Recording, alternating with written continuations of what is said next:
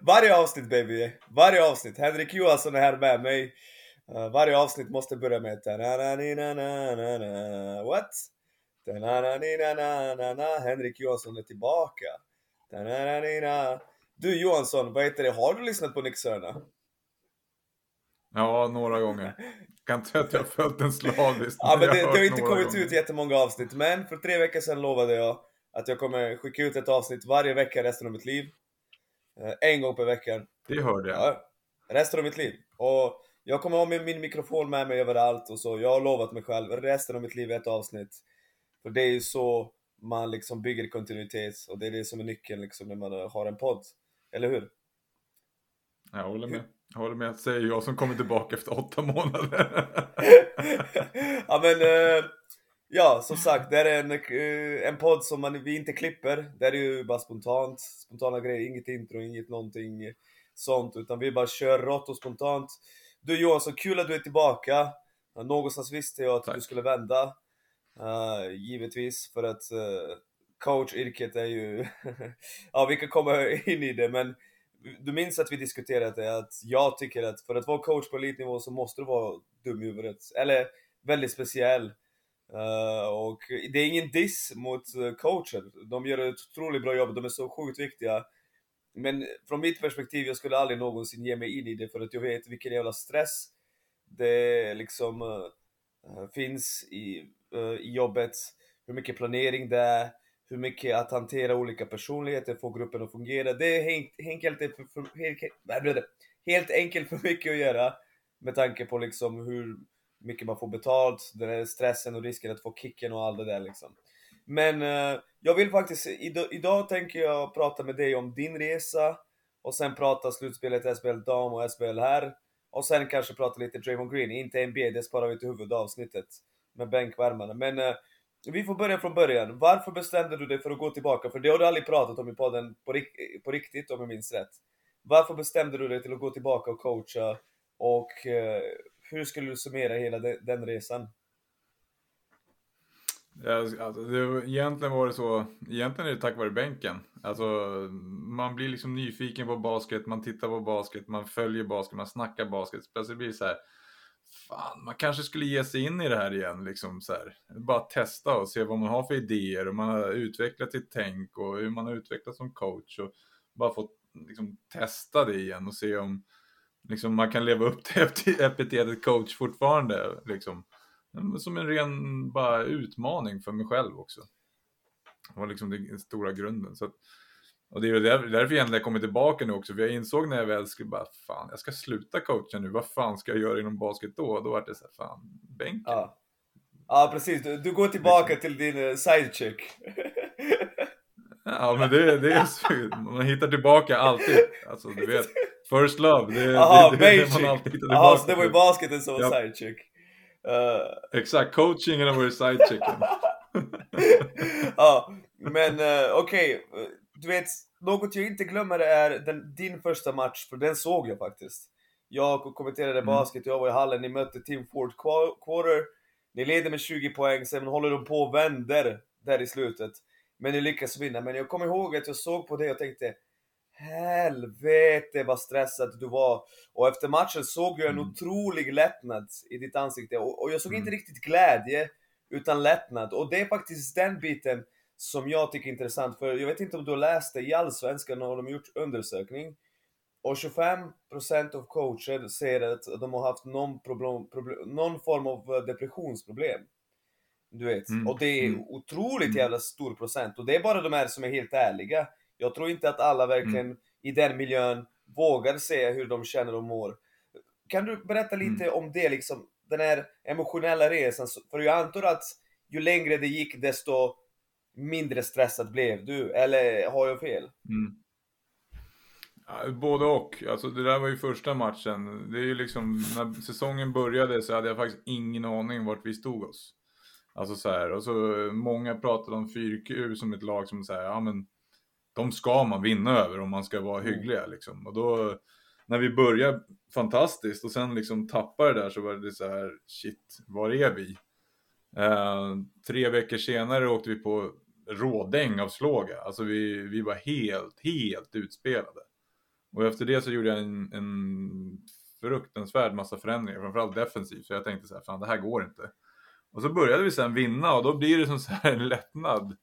Uh, men det, man lever ju alltid med det där och jag var ganska öppen på Twitter för några veckor sedan att så här, alltså jag känner inte alltid den här depressionen, men man känner den här, alltså någon sorts form av otillräcklighet. Alltså så här, ja. man, man vill kunna göra mer för laget, man vill kunna göra, alltså man vill vara på mer platser. Jag är både liksom, speciellt nu när det liksom varit jobb, familj, basket, man känner att laget kanske inte vinner.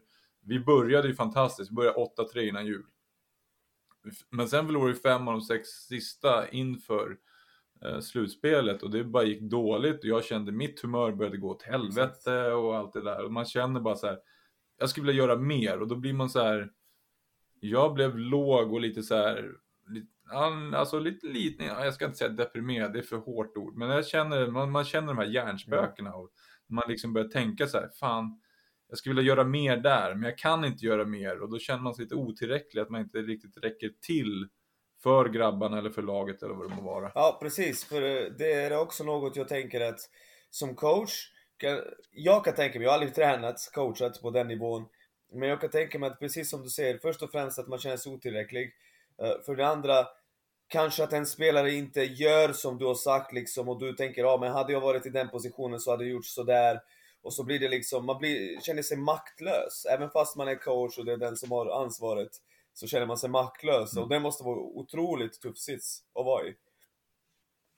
Ja, men jag, jag, känner ändå att, alltså, jag hade ett gäng, alltså jag kom ju med hela idéer. Tittar man på hur vi spelar i början av säsongen och slutet av säsongen så har vi ändrat 100% i princip. Förutom möjligtvis vårt grundoffens. Men, eh, och grabbarna köpte det och svalde det och försökte utföra det bästa möjliga sätt som de kunde göra det. Och och ibland så känner man ju frustrationen kanske när skotten inte går ja. i. Men då känner man mer för dem. För ofta så är det så att eh, grabbarna var otroligt duktiga på att hålla sig till lagkoncept och skapa mycket utav det tills frustrationen klev in. Och då var det många som var så här. Ja men fan, jag vill, jag vill rädda upp det här. Jag vill skapa någonting själv. Och då blir man mer frustrationen från coachen så här. Fan, håll er till konceptet nu. För det är det vi får poäng av. Det är det vi liksom lyckas mm. med. Men går vi en mot en eller spelar bara som individer, då, är, då faller vi. Men, så var det äh, även den här första matchen. Så var det även den här första matchen. Ja. Det, ni, spel, ni delade bollen och sen så snabbt ni skulle hitta snabba egna lösningar så gick det åt helvete faktiskt. Nej men det var ju som, alltså sista matchen för grundserien, vi torskade mot Huddinge borta. All respekt för Huddinge, men vi torskade 64-62 liksom att vi spelar typ en mot en basket och inte riktigt fick ut ja. det. Första kvartsfinalen mot Tureberg, vi har 100 poäng, vi har 29 assist. Ja, liksom, liksom bollen rör sig. Fantastisk match. Tredje kvarten där, bästa vi har gjort på hela mm. säsongen. Mm. Uh, så att det är ju otroligt så här, när de väl köpte in i det och liksom agerade från lagkonceptet. Ja. var det fantastiskt. Men det är klart att man, man vill ju kunna alltid göra lite mer som coach. Men som basketcoacher har vi ju möjlighet att kunna alltså justera och ändra och fixa och dona. Det är ju liksom, det är skott man ja, inte kan Ja men det är lite så att som coach, du kan ju fixa gameplanen och that's it. Det finns ju så många saker som är utan, uh, utanför ens kontroll. Och det enda mm. du kan göra är att sätta i laget i så bra position som möjligt och vinna. Det, det betyder inte mm. att du kommer att vinna. Det är liksom det, och vi har pratat mycket om det där, ja men vinner man så är man en bra coach, förlorar man är man en dålig coach. Många tänker så, men så svartvitt är du inte. Det är så jävla långt ifrån sanningen. Uh, mm, och, uh, och det blir lite... Ja, och, och Johansson, när, när bestämde du dig för att göra comeback? När, när var det liksom klart? Comeback till basketen? Uh, eller till, till coachandet eller till... Jag har pratat lite så här av och på om det egentligen hela tiden. Jag, jag, jag sa ju det, jag var ganska ärlig. Jag pratade med Skölden om det och sa så här. Jag tycker att eh, ni har gjort ett fantastiskt jobb medan jag har varit borta. Ja. Så det kändes inte som naturligt att jag skulle komma tillbaka för att ni har gjort. Ja. Och ni har gått framåt och jag vill inte bara köra kortet. Ja, men jag är en OG, jag har varit med från början, jag ska få komma tillbaka. Utan jag ställde ju frågan. Ja. Alltså rent så. För, för att ni har, ni har lyft den här podden med allting ni har gjort och ni har fortsatt bygga lyssnare och bygga konceptet och oavsett om det är Addis lilla quiz eller vad det må vara, liksom lyssnarnas hot take, så ni har gjort ett arbete och därför kände jag mig mer ödmjuk för att jag skulle få komma tillbaka snarare än att det var liksom, jag kände att shit, jag ska komma tillbaka. Ja men det är lite det som är grejen, för jag kommer ihåg när, just, när vi startade podden, egentligen skulle vi inte starta podden, vi skulle bara ha Twitterkonferens, kommer du ihåg första avsnittet? Sjukt cringe! Men... Det, om, om, fyra dagar så är det tre år Ja det är fan galet. Fan vad tiden flyger, mm. men... Ja det är fan läskigt faktiskt. Faktiskt. Mm. Men uh, när, mm. uh, när vi började liksom och vi var fem, det var ju många som hörde av sig och sa men du vet, kan det verkligen funka med fem? Men sen när du och mm. Stefan drog liksom, alltså, du vet, det var ju det som räddade oss, att vi var så många. För hade vi varit mm, fyra mm. eller tre, då hade det varit över med podden. Uh, och så kom mm. det Louise och vi har faktiskt växt under den här perioden. Uh, mm. Vilket är ju liksom, känns riktigt bra, men samtidigt, du är ju grundare, så du vet när Skölden frågade oss i gruppen, bara ska Johansson tillbaka? Vi bara självklart. Självklart ska du tillbaka. Det är liksom, och, och framförallt, du, du bidrar med ett perspektiv som du dessutom refreshat nu när du varit tränare. Så givetvis eh, mm. är du välkommen tillbaka och givetvis har du ett, du har en roll och ett perspektiv som kommer att uh, gynna lyssnarna och produkten hur mycket som helst. Jag är inte poddens advokat, men jag bara säger som jag känner. Det, givetvis är Tack, du välkommen kompis. tillbaka, det är ingen snack om saken. Så det känns otroligt kul faktiskt. Mm. Det känns kul och uh, som sagt, vi och Louise som ska bli mamma. Uh, du har barn, Addis har barn. Mm. Folk kommer missa och det är vår styrka att vi är många. Strength by numbers brukar mitt favoritlag Golden State Silverskedare säga. Det är deras mantra. Så ja. vi, har, vi, har, vi har siffror och vi kan ju liksom rotera in och ut folk så att vi en gång per vecka släpper uh, ett avsnitt. Så fantastiskt kul Johansson, det är nära. Det är nära. Tack, tack detsamma. Det känns jättekul faktiskt att vara tillbaka. Uh, du Johansson, jag vet att du har följt SBL dam och herr på SVT till skillnad från Addis som, uh, jag vet inte vad han håller på med, lyssnar på obskyra fotbollspoddar och uh, tittar på andra ligan i Italien. Men Robinson, Robinson säkert Love Island och allt det där. Nej, det är jag. Men, men hur, hur som helst, han, han har tid för annat men han har inte tid för SBL på SVT. Men du har ju sett matcherna, du har åsikter. Och jag, du vet att du älskar när folk har åsikter om SBL. Så vi får faktiskt börja med gårdagens match. Ditt Jämtland, som du sa för två år sedan, mm. har allt på plats för att bli en dynasti. Den här första titeln yep. har inte anlänt än, men kan hända i år. Uh, igår mm. vann de en blytung match borta mot Norrköping. Uh, och jag vill faktiskt först höra dina tankar om den matchen. Alltså jag tycker det är lite, det blir lite samma spelbild som det var i förra matchen. Alltså jag tycker just nu så är det Jämtland som dikterar tempot. Det, de har fått matchserien dit de vill utifrån att liksom och jag tycker lite Norrköping faller in i deras tempo lite för lätt. Den enda som egentligen försöker pusha och skapa det där, det, kan, det är Tim Kyberg. Alltså, han försöker pusha bollen och se till att det ska liksom bli lite mer flow. Men, men just nu så känns det som att i det här långsamma, lite spelet, fysiska, tuffa, där har Jämtland en fördel. Om det börjar bli lite mer fart, då kommer, ju, då kommer Norrköping med gynnas av det. Men just nu har matchen helt svängt. Det jag, tycker jag. jag har, jag din analys också, jag delar den. Men jag tror att det är två faktorer som gjort att Jämtland kom tillbaka. Nummer ett är ju att Jämtland är ett mm. för jävla bra lag. Alltså det är ett bra basketlag, precis som Norrköping Absolut. du vet.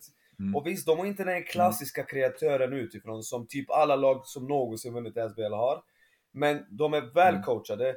de är ruskigt tuffa, mm. de har faktiskt mm. spelare som exempelvis Artie Queen och alla de här. Visst, Queen har strugglat, men Chuck har varit i den här positionen och vunnit. Uh, Pierre Hampton har varit liksom och spelat med Chuck. De har varit med liksom.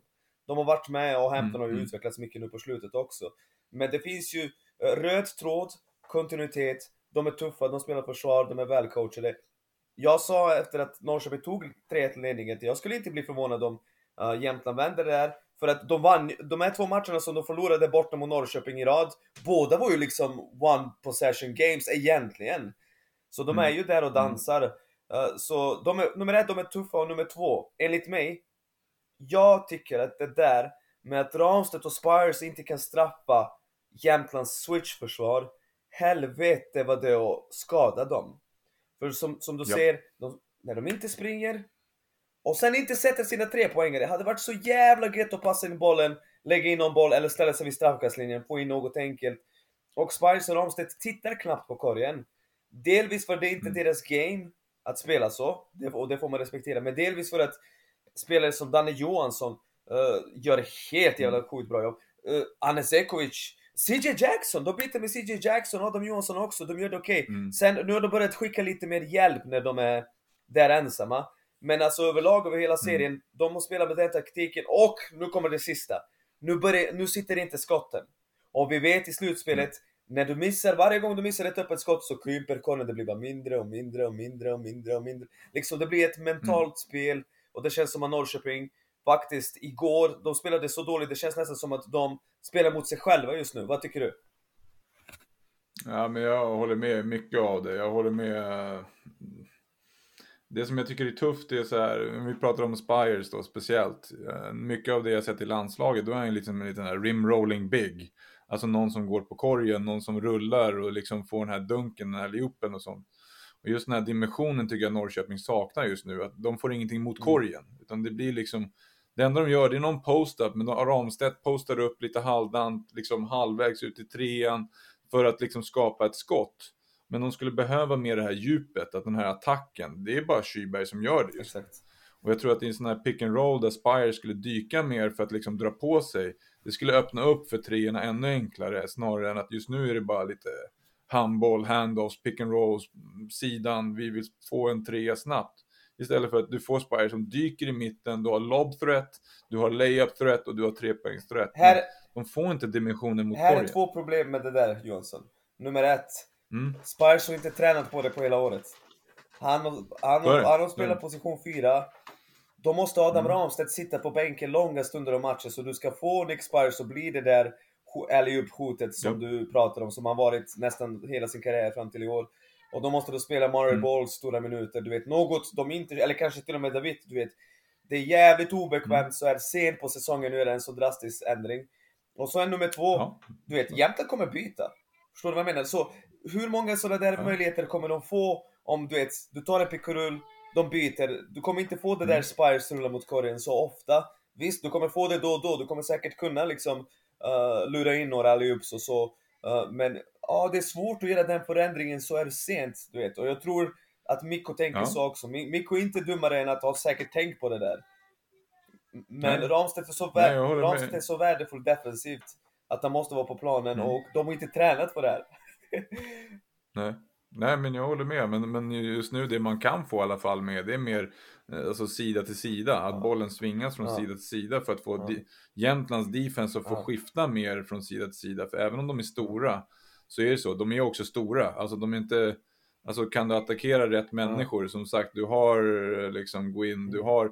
Även när Smith är liksom ute i fart så är det så att får han stå framför en och bara slida, då är han ganska bra. Men är det så att det händer någonting Close i out. fart, Close- där han måste Close out, intensivt exakt. reagera. Exakt. Exakt. För just nu blir det bara att de dribblar upp och så fastnar Fast det. visst känns det ändå som jag- att de försöker dela bollen, de försöker ju liksom Ja. sätta igång motion-anfall, men liksom det blir ju, så snart bollen kommer till Tiles eller Green så står det stopp och så ska man liksom fixa något själv. Och Mm. ja, det är intressant, men precis som jag sa att Jämtland skulle kunna vända så skulle jag absolut inte bli förvånad om Norrköping tar det sista.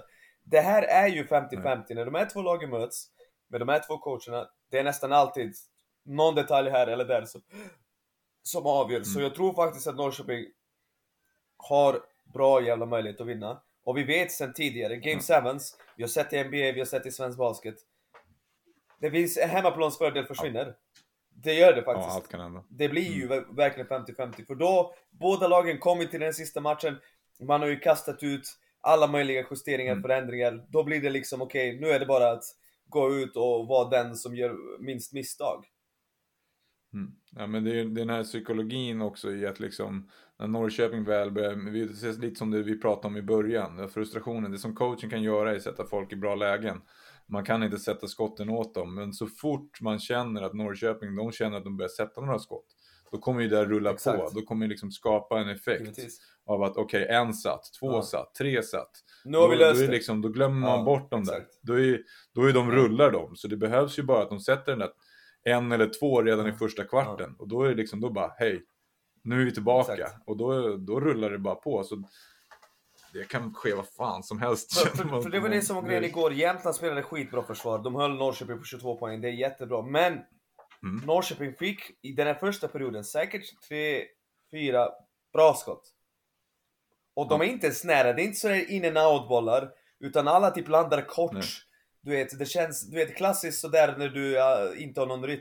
Och sen när Green Mm. airbollade upp en tre, då tänkte jag okej, nu, är det, Mm. nu är det på allvar liksom. De övertänker det liksom. Uh, Mm, Så, ja. Uh, det, Nej, men sen, jag är imponerad sen som i slutet, jag menar, vi pratar om det här med Jämtlandsoffen. Jag var imponerad av Sekovic. Hur han klev in i slutet och satte en Ja. tung trea och sen den här halva alley-oopen till Ja. Carr. Alltså han klev in och tog ett offensivt ansvar som jag också tycker var... Jag tyckte det var kul att det var ett tag när, om man räknar Gwyn som svensk, men i slutet av fjärde så var det ändå så att menar, det var i princip fem Svenskar. svenskar. jag tror att det var. Carr och fyra svenskar. Jag tror, jag tror Ja. att det var så. Och det var no jag tror det var någon period när det var liksom Johansson-bröderna, Mm. Sekovic och Hampton tillsammans med Gwyn Mm. eller Carr eller vem det var. Och det, det är ju en enorm förändring mot vad vi har sett förut också. Så det ska ju också, och då mot eh, liksom Ramstedt, Kybert, eh, Kyberg, liksom alla de här. Så att vi har ju en högre andel svenskar på banan Ja. nu i sånt här slutet av en SM-serie än vad, vi, Ja. vad jag känner sig ha haft på väldigt Ja, länge. absolut, absolut. Och eh, nej, där är ju en, eh, en serie som har varit, ah, ah, jag vill inte säga att jag sagt det men nog fan, jag tippade sju matcher och det känns bara rimligt att det ska Mm. gå till sju. Mm. Eh, på måndag sänds matchen, alla ni som lyssnar, se till att lyssna och titta, Mm. sitta, eller skruva, skruva ner ljudet om ni tycker att jag är jobbig. Eh, Det, det är inte du som jobbar. ja, eh, måndag, då händer det och första möjlighet för Jämtland att kanske starta den här dynastigrejen som du pratat om. Eh, Mm. jag är oerhört imponerad över deras mentala styrka, faktiskt. Från coachen, men även till spelarna, för du vet, det, det kan inte vara lätt att coacha Sovannan som ställer så jävla höga krav. Han ställer så jävla höga Mm. krav. Samtidigt är jag så jävla imponerad att han faktiskt ritar upp spel för Sekovic där i fjärde perioden. Du vet, det är en spelare som har strugglat och Chuck känner liksom okej, Mm. vi, vi går på honom. Vi, vi behöver liksom en trepoängare, vi kör, jag litar på honom. Så det, det är liksom fin balans där och det är ett tufft gäng Jämtland. De har förtjänat att ordna den här sjunde matchen. Mm. Ja, jag, jag tycker det är imponerande som du säger, spel för Sekovic, men de, de spelar ju ganska regelbundet pick and rolls också för Daniel Johansson som bollbehandlare. Så att det, de ger ju möjligheten Faktiskt. till utveckling också. Så att jag tycker också det, men du kommer aldrig få mig att tippa den här serien. Den här Ja, jag tänkte precis fråga, vilka tror du? Jag säger Norrköping Ja, då. ja precis, du vill inte jinxa. Gammal vana trogen. Micke Rippinen är bästa coachen i världen. Sen, sen var det en grej efter matchen som jag märkte att Östersund-fans inte var nöjda med och det är att jag sa till Daniel Johansson att han var ju matchhjälten, alltså hans försvar är ju nyckeln för allt de gör. Han spelar så stora minuter Mm. och han är så jävla bra på att byta och sen hålla sig framför kortare spelare. Han är ju nyckeln, de vann ju ut tack vare honom. Men så sa jag att han spelade det horribelt, att han var horribel i anfallet. Och det tycker jag att han var. Och nu ska jag förklara hur jag tänker. Jag vet att det är ett hårt ord, men jag är ju ganska hård och liksom kritisk när något jag ser inte stämmer. Han är 0 av 4, 0 poäng på 25 minuter, 0% på golvet. Han postade upp Green flera gånger, fick två layups mot honom, missade layupsen. Mm. Precis som du säger, han kör ju lite pick och rull, men de går under screens, han skapar Mm. ingen spacing. När, Mm. när han är i hörnet så hjälper de ifrån honom. Så han är ju liksom minusfaktor i anfallet. Och, och det är annars Chuck Mm. villig att leva med för att han ger så mycket i försvaret. Och det förstår jag. Mm. Mm. Men eh, vad tyckte du om det, hela den grejen? Tyckte du att det gick över gränsen? Skulle jag använt något annat ord? Nej, nej, alltså jag tycker inte det. Alltså, han hade ingen bra match offensivt och normalt sett så är han ingen offensiv spelare så sett. Jag tycker det är kul att han får springa lite pick and rolls, Mm. men, men eh, han är ju inne för defensivt först. Jag menar, sen, sen är det lite lite löjligt att man ska reagera på kommentarer. Fan, det är klart man ska spetsa till kommentarer. Det är ju för fan TV, det är ju underhållning. Ja, och Ska man säga att han var okej? Men, ja, men det jag ville göra är att visa den där mot, alltså mot, hans två motpoler. Att Mm. han liksom inte bidrar någonting alls offensivt och ändå vinner den matchen av laget. Det var ju liksom det och Mm. jag bara sa som jag kände, jag tycker inte att eh, han alls bidrar något offensivt. Men ja, det är inget personligt med Daniel Johansson. Jag vill bara att alla Östersund-fans, jag har inget emot Daniel Johansson. Tvärtom, jag tycker att återigen, han vann ju matchen åt laget. Det var ju försvaret som stängde ner Norrköping. Han är, han är ju nyckel, utan honom funkar inte det där. Faktiskt. Eh, Fun, fun story en gång då. Jag har faktiskt coachat Daniel Johansson när han var typ 12 år eller 11 år. Vi, vi blev inbjudna till Scania.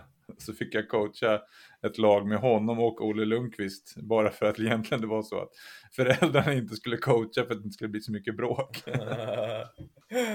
ja, det är en bra generation det där. Ja, verkligen. Det var en jättebra. Det är ju, du har ju flera. John spelar i, fri, spelade i Fryshuset och du har flera andra som har spelat. Eh, så det, det var en jättebra generation. Det var ju alltså Pekka som coach tillsammans med Stefan Helgen var ju också där och hjälpte till rätt mycket. Och sen hade du Mats Lundqvist och flera andra som var liksom var kring de där föräldrarna som, som coachade den där lagen. Det var ju, de var ju jätteframgångsrika. Absolut. Och en till sak om Danny, alltså ha- hade... Låt oss säga att Jämtland hade haft en Brandon Bailey på den positionen. Istället för Danny Johansson. Mm. Då fallerar hela deras defensiva koncept. Mm. För då kan de inte byta med så många och liksom han... Ramstedt har ju slutat attackera honom. Jag vet inte om de märkte, men mot slutet Mm. av matchen eh, Johansson knuffat ut, knuffar ut honom till vid trepoängslinjen, Ramstedt får det och sen vänder sig kanske lite mot korgen och sen är det en handoff eller något. Så han har ju Mm. som sagt briljerat defensivt och försvarar ju 50% av basket. det är ju det. Så, ja. Eh, men vi, vi går vidare till SBL Dam Johansson.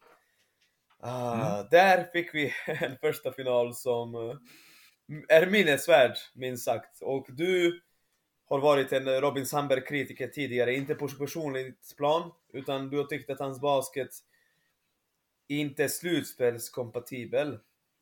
Eh, Mm. Tankar om den här första matchen?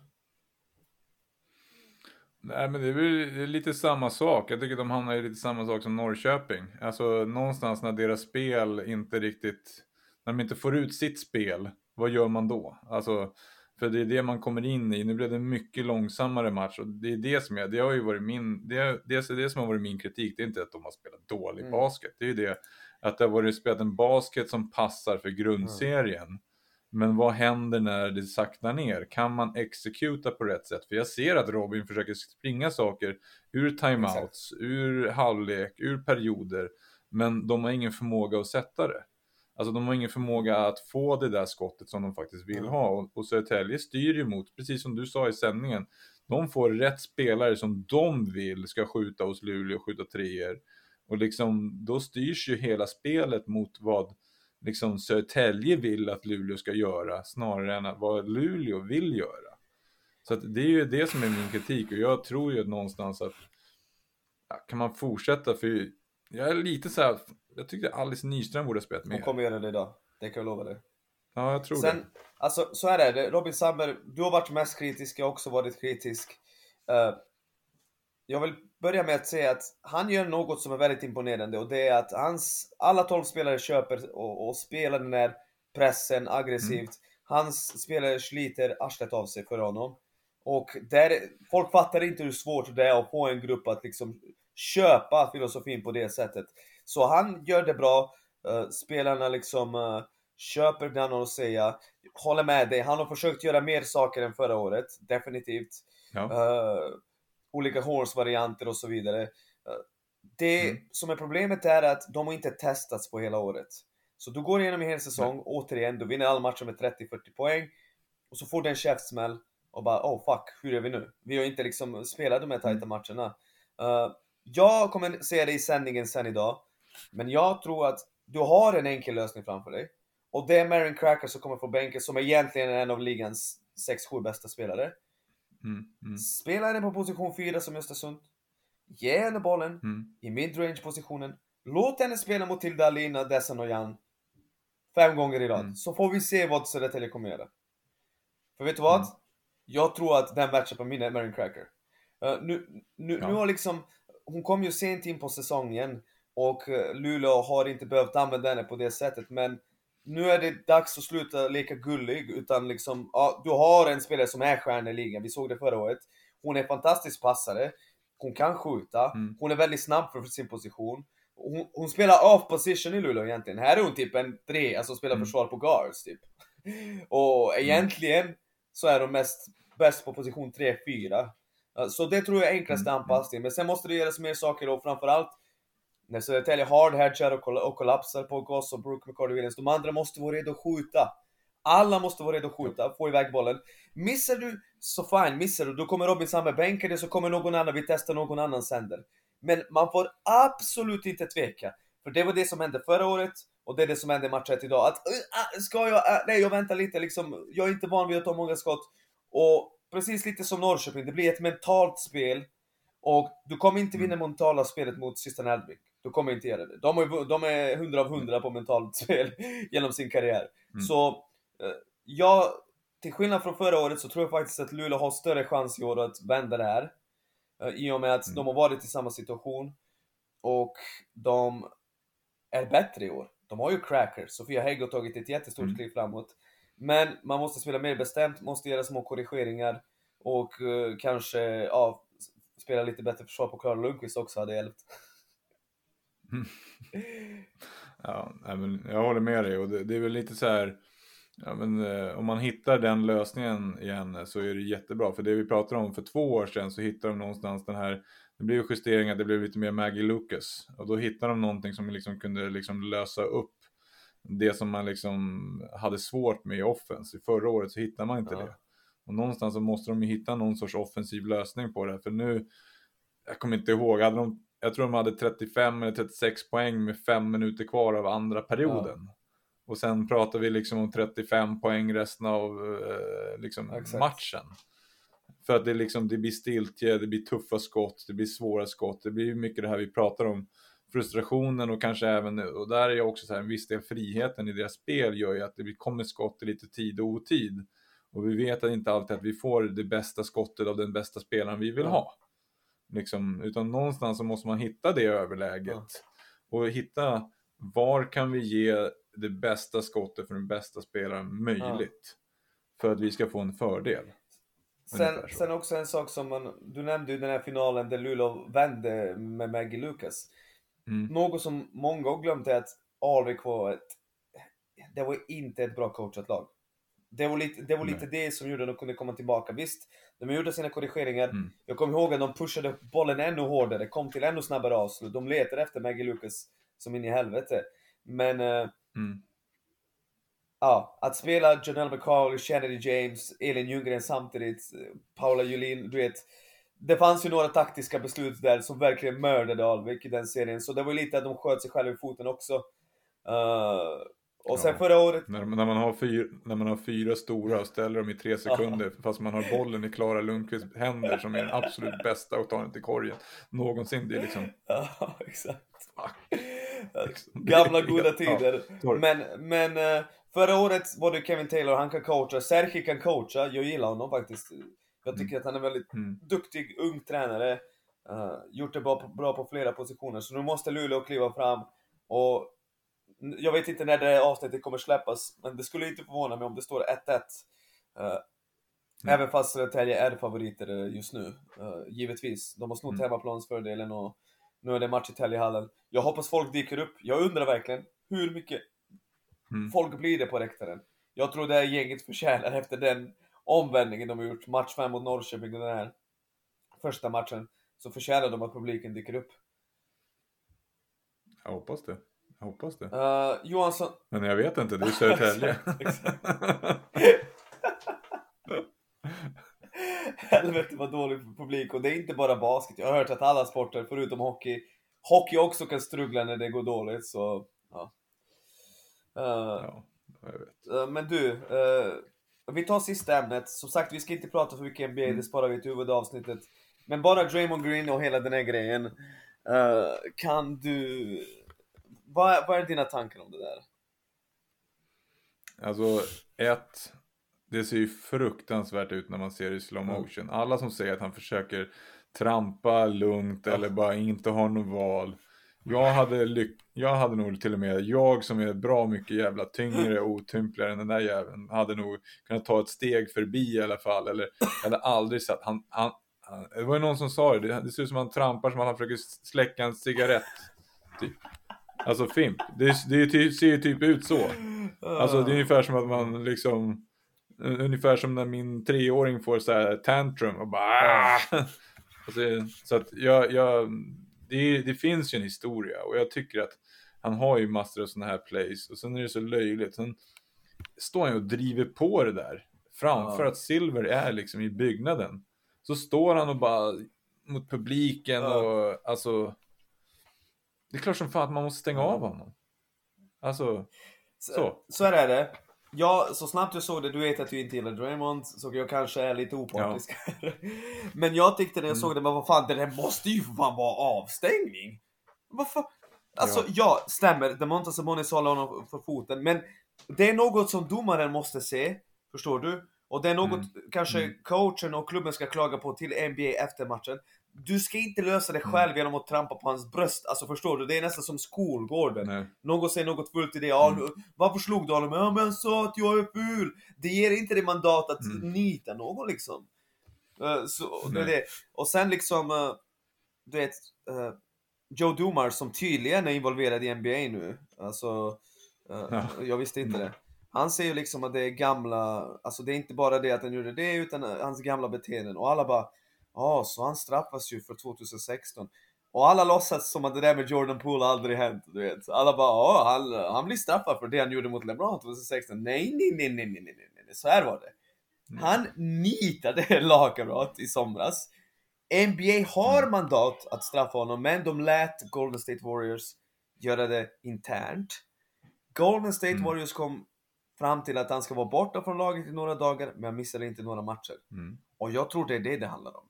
Jag tror att okej, okay, nu har han gjort två ganska sjuka saker. Nu måste han få sitta, vi måste visa exempel.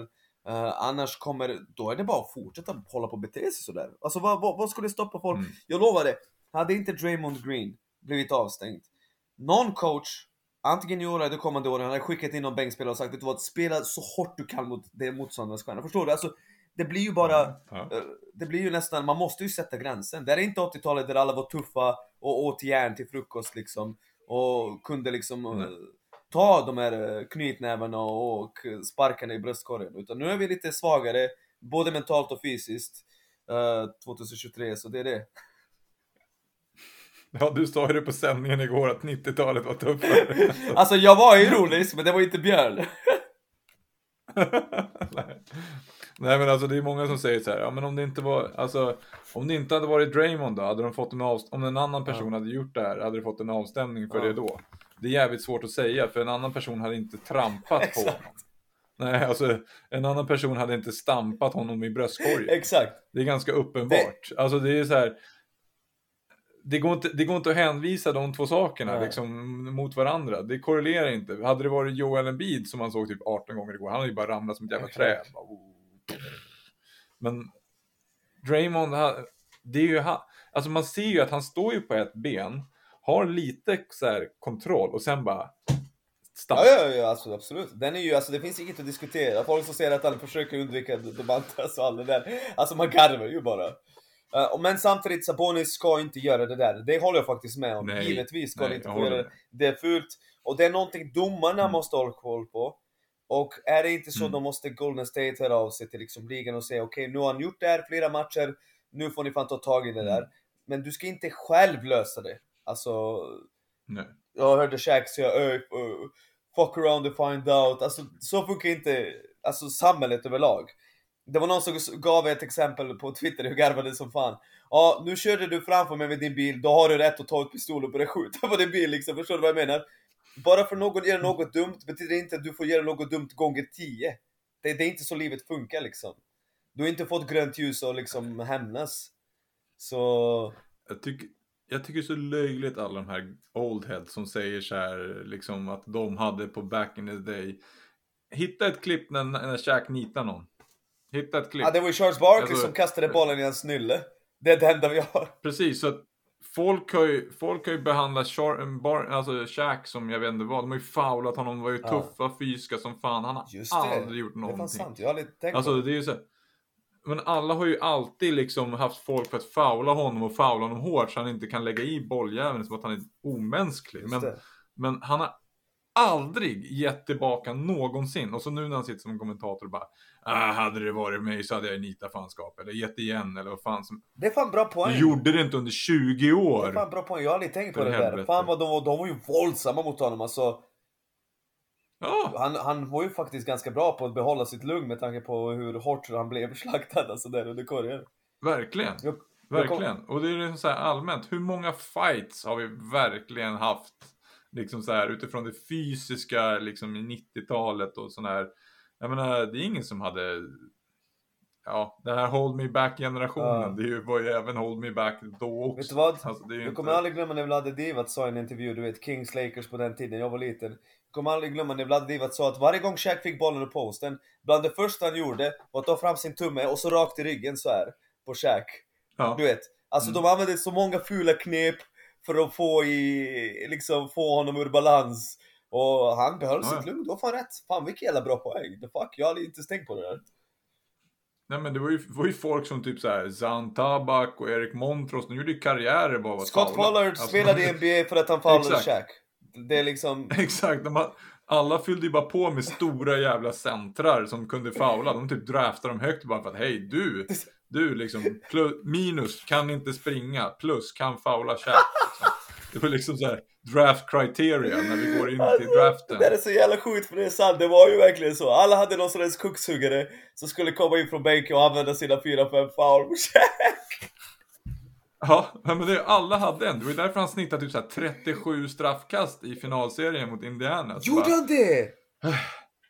Ja, gå in och kolla. Alltså det var helt galet. 37? Nej det kan inte Kolla. stämma. Vänta, vänta, vänta, stopp. Ja, men, men gå in, vi, får gå in och kolla Ja. det sen, men alltså han sköt nog Jag vet att han sköt 37 straffkast i Okej, en match. vi måste, vi måste... att- eh, Ja, kolla det här. Det blir bad podding, men vi måste kolla. ja vi måste, den, är- den staten är fan helt insane. Men kan jag tänka mig det stämmer. Uh, vänta. Okej, här är free throws. Han hade en match med 39 straffkastförsök. Vad... Han snittade 15, 15 per match, men han sköt 39 straffkast! Ja, Det är fan... Det kan ju fan knappt vara sant. ja, men jag vet att det var Ja, så. ja. Alltså, det var ju... Han sköt, Shaq sköt alltså 39 straffkast i samma match, men snittade 15. Med 39, alltså, det Ja, där, är det något slutspelsrekord efter Will Chamberlain? Jag vet inte, men det är helt galna Ja. stats. Kollar man första matchen så, så har han 43-19. 43-19. I nästa match har han 40-24. 33-13. 36-21. Men, men, 35-11. 41-12. men vilka var det då som, damn. vilka var det som för Indiana? Så det var ju Antonio Davis som säkert slängde 3-4 foul. Dale Davis var också där om jag minns rätt. Det var också några foul där som ryker. Vilka mer var det som använde sina fouls? Var Rick Smith där vid det Ja, laget? Vid, vid det laget? Ja, Rick Smiths var Ja, med då har han också använt några. Vänta, jag ska se. Jag kan dra upp uh, boxscoren här. Ja, det var egentligen Rick Smiths hade fem fouls. Austin Crozier fem fouls. Perkins var där. Sam Perkins. Alltså sen var det bara... Ja. Ja. Jag, måste, vänta, jag måste se den där matchen. Just den där... Uh, kaninhålet, vad det ju Skölden brukar säga. Måste se just den här 39. Vad hade vi den då? Alltså 39 straffkast. Då ska vi se vilka som hade fouls. Då hade alltså Reggie hade fyra, Dale Davis hade sex, Rick Smiths hade fem, Austin Crozier hade fyra, Sam Perkins hade sex och Zan Tabak tre. Så Zan Tabak fick tillräckligt med speltid för att komma in och ta tre fall på Shaq. Den är sjuk! Två minuter, 43 sekunder och tre fouls. Han var alltså professionell Shaq-foulare. Ja, det är galet. Det är faktiskt helt galet. Ja, det är helt galet. Ja, du Johansson, det är dags att avrunda det här. Eh, tack Ja. som fan för att eh, du ville göra det här. Om du vill gästa Sörna någon gång, säg till. så kör vi liksom. Uh, och på Jajamän. måndag eller tisdag så är du tillbaka på heltid. Fan vad gött. Fan vad roligt. Uh, uh, tar en vecka, jag ska ju till USA på Ja onsdag. just det, just det, just det. Just det. eh, Ja, men, ja men ta dig din tid. Jag ska åka och se slutspelsbasket, så jag, det, det dröjer en vecka till innan jag är tillbaka i, huvudbänken. Ja, okej. Ja men vet du vad? Det gör inget. Det är, ta din tid. Vi finns här och uh, fan vad roligt. Fan vad kul. Ja, kul att se dig igen kompis. Detsamma, detsamma. Uh, tack för att ni lys- lyssnade. Nick Sörna. En, ett avsnitt per vecka resten av mitt liv. Rått, spontant, vi klipper inte. Ha det gött.